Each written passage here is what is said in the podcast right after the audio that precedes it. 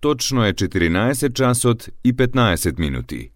Ја следите програмата на македонски јазик на јавната медиумска установа Радио Телевизија Војводина, трета програма.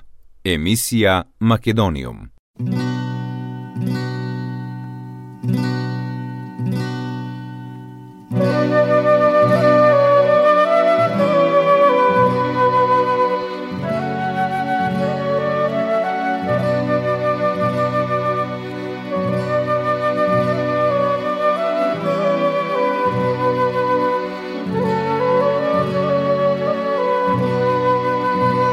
Македониум.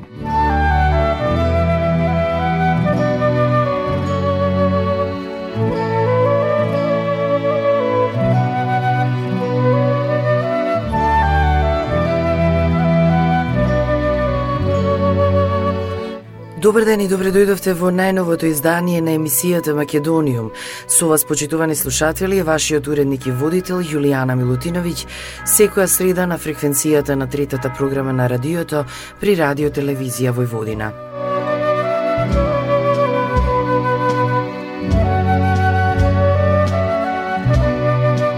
Македониум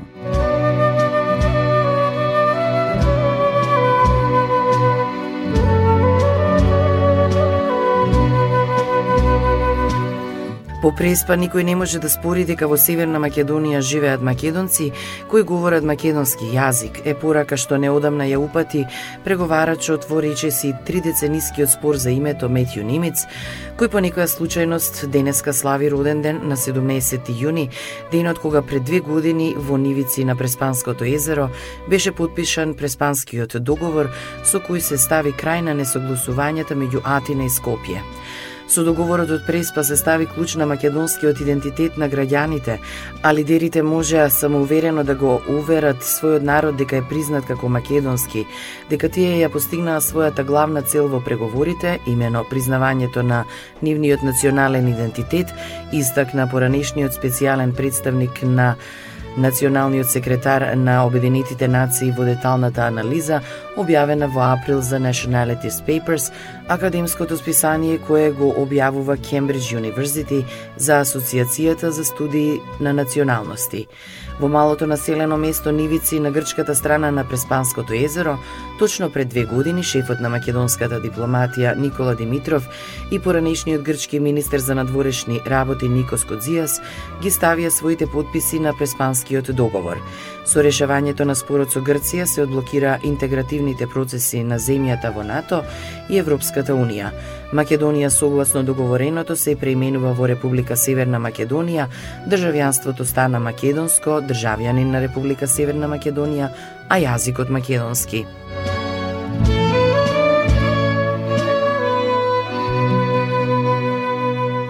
Македониум.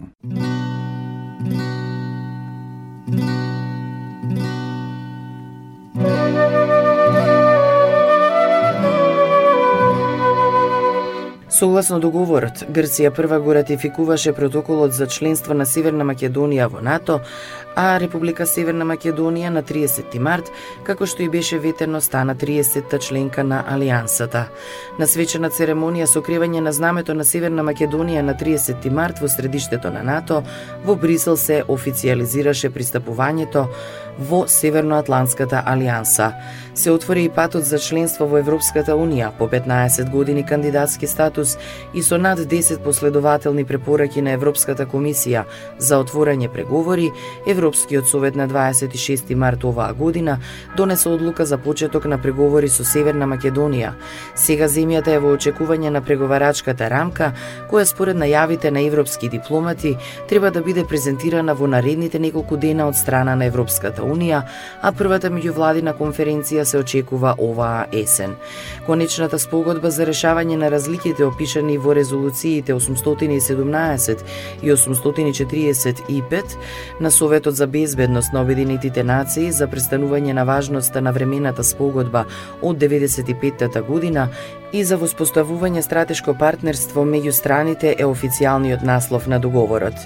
Димитров и Кодзијас на свечената церемонија во Псараде Селенивици на 17 јуни 2018 година ги ставија подписите на договорот во присуство на тогашните премиери Зоран Заев и Алексис Ципрас, посредникот во преговорите Метју Нимиц, поранешниот еврокомесар за проширување Јоханес Хан, поранешната висока представничка на Европската унија за надворешна политика и безбедност Федерика Могерини и други високи меѓународни представници, како и представници на двете земји. Тие низ целиот процес на постигнување на компромисот, а и по подпишувањето се обидуваа да покажат дека тоа што е договорено е од корист за двете држави. Димитров и Кодзијас беа архитектите на договорот, ги усогласуваа ставовите, особено откако преговорите се подигнаа на ниво на шефови на дипломатии. Основата на договорот е тоа што во него на пријателски начин и прецизно е утврдено како Грција го толкува поимот Македонија и Македонски и како ние за нас го толкуваме поимот Македонија и Македонски. Со членот 7 се прави јасна дистинкција дека поимот Македонија и Македонски во Грција го означува хеленскиот дел од историјата. Утврдено е дека Македонија и Македонско во македонски контекст ги отсликува македонската територија, македонскиот јазик, народот со сите атрибути атрибути, историја, култура и наследство, различни од оние во Грција. Решавањето на спорот за името меѓу Грција и незиниот северен сосед креираше важна нова можност за поконструктивни односи и по безбеден Балкан.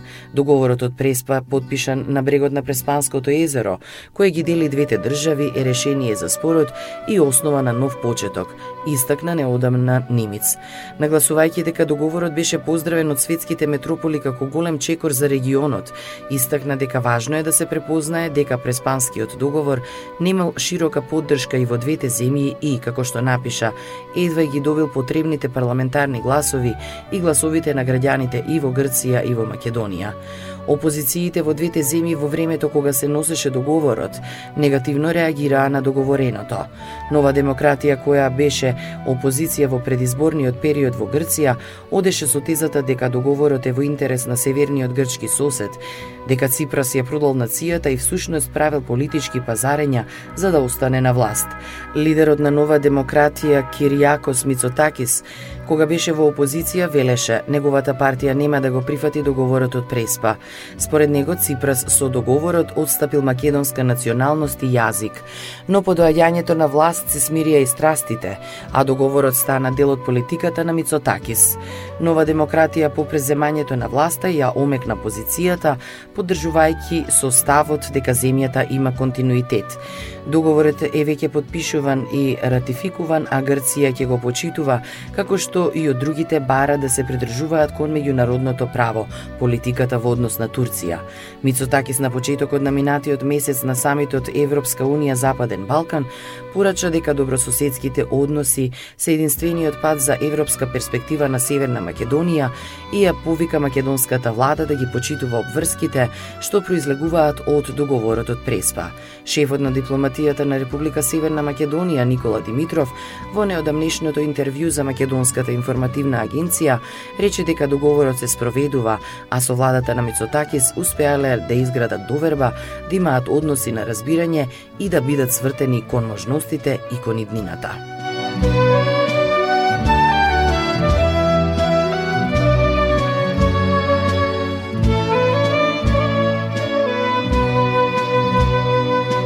Македониум.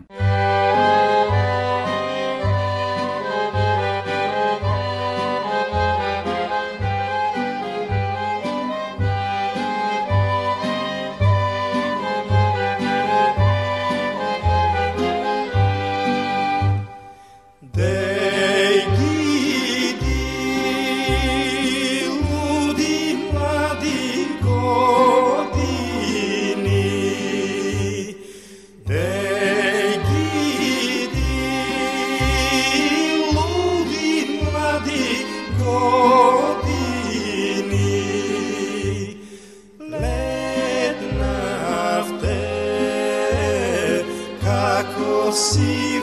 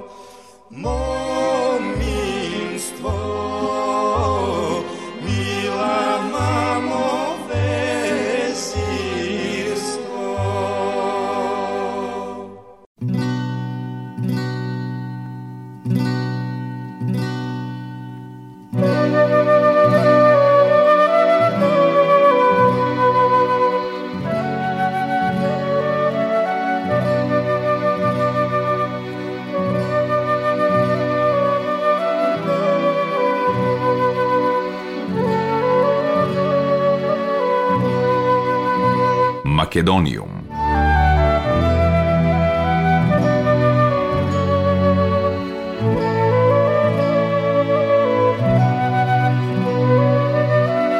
Опозицијската ВМРО ДПМН во Македонија го пласираше ставот дека договорот е капитулански за Македонија.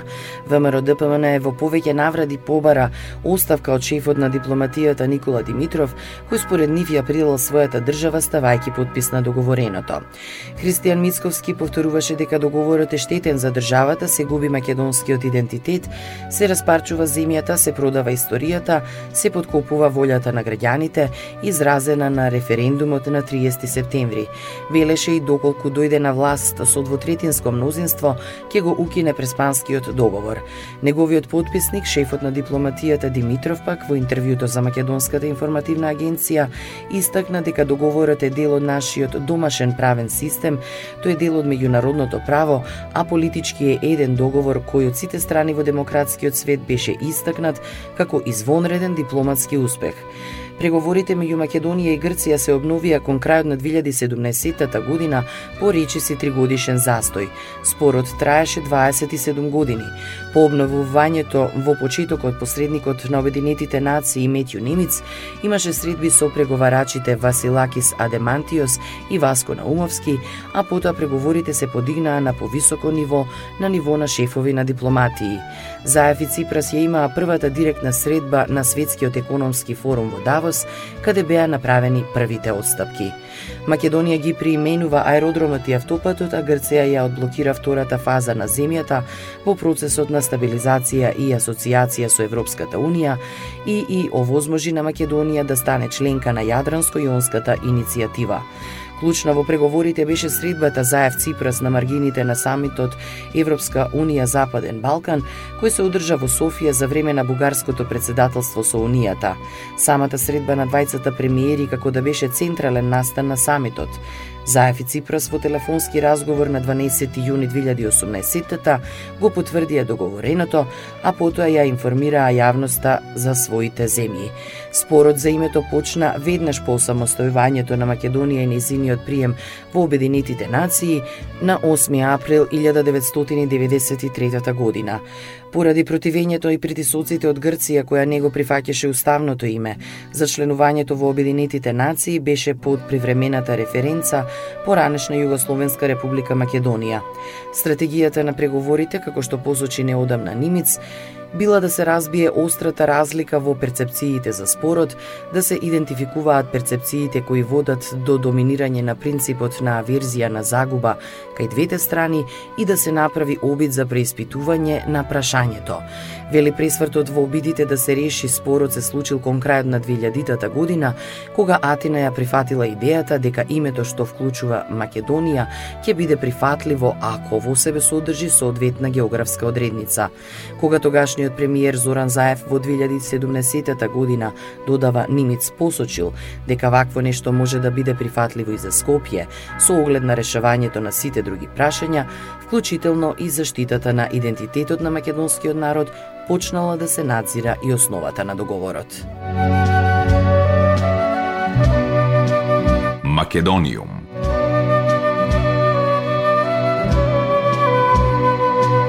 Странците кои транзитираат низ Северна Македонија можат од денеска да влезат на сите гранични премини, реши владата во Република Северна Македонија. Се уште постои обврска дека преминот на странски државјани низ Македонија може да трае максимум 5 часа и дека тоа мора да биде на автопат, но не и на локален пат. Протоколот, усвоен од владата на 14 јуни, предвидува дека странците во транзит можат да ги користат само граничните премини Табановце, Деве Богородица, Ќафасан, Блаце и оној на меѓународниот аеродром во Скопје. Странски државјани на влез во Северна Македонија подпишуваат изјава дека ќе ги почитуваат поставените правила за транзит, кои тие ги предаваат на полицијата на излезот со цел да го контролираат време трењето на транзитот. За сите македонски градежници или странци со регулиран престој е необходен тест не постар од 72 часа. Оние кои не поднесуваат тест на влезот или тој тест не е валиден, мора да одат во двонеделен државен карантин, каде може да се тестираат на нивно барење и да одат дома во изолација доколку тестот е негативен.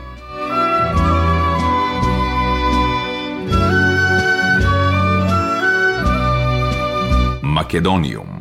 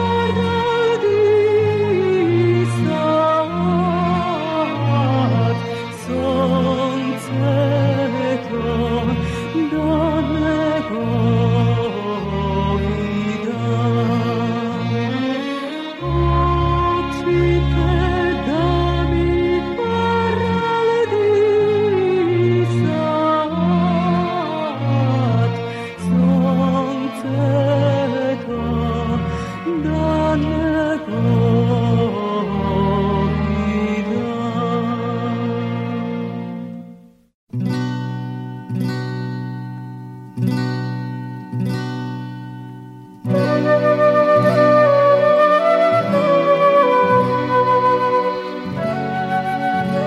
Владата предводена од СДСМ во изминатите три години постигна многу. Создадовме комплетно различно општество, имавме напредок на економски план, има слобода на говори, слобода на медиумите. Ја остваруваме визијата едно општество за сите. Станавме членка на НАТО, ги почнуваме преговорите со Европската Унија, по овие достигнувања ќе одлучуваат граѓаните на кого да му веруваат на изборите кои ќе се одржат на 15 јули порача Андреј Жерновски, член на Централниот комитет на СДСМ во емисијата 200 на телевизијата Алсат. Тој оцени дека граѓаните не му веруваат на ВМРО ДПМН бидејќи оваа партија се уште ја менаџира Никола Груевски. Актуелното раководство на ВМРО ДПМН не се огради од неговите политики. Сите паметиме како функционираше судството во негово време. Не велам дека сега идеално, необходни се реформи. Секогаш може подобро и повеќе, но Сведоци сме дека ВМРО ДПМН ги блокираше сите закони кои значеа реформи во судството, нагласи Жерновски. Тој потенцира дека СДСМ е одговорна партија, се грижи за еднината на државата и затоа се решила изборите да се одржат на 15 јули. Ние не можеме да чекаме да порасне рейтингот на ВМРО ДПМН па да одиме на избори.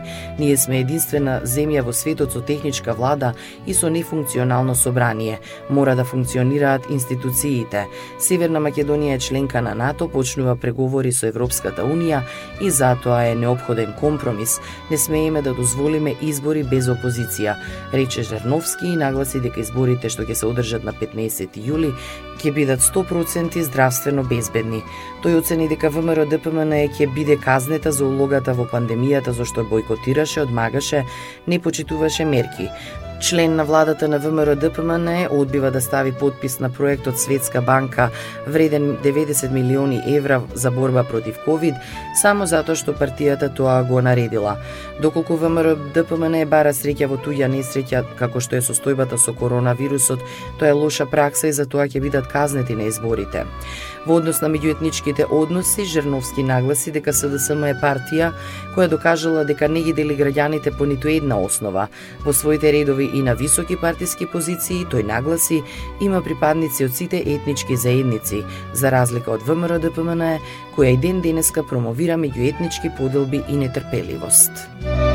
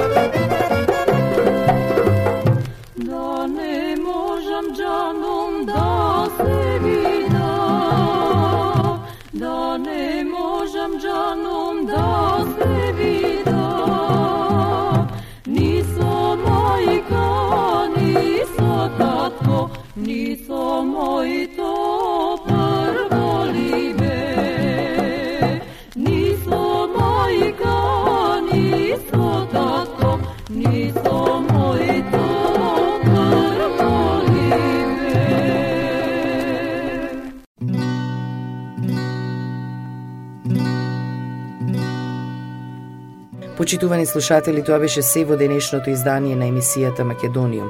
До следната среда во исто време, срдечен и голем поздрав од вашиот уредник и водител Јулијана Милутиновиќ.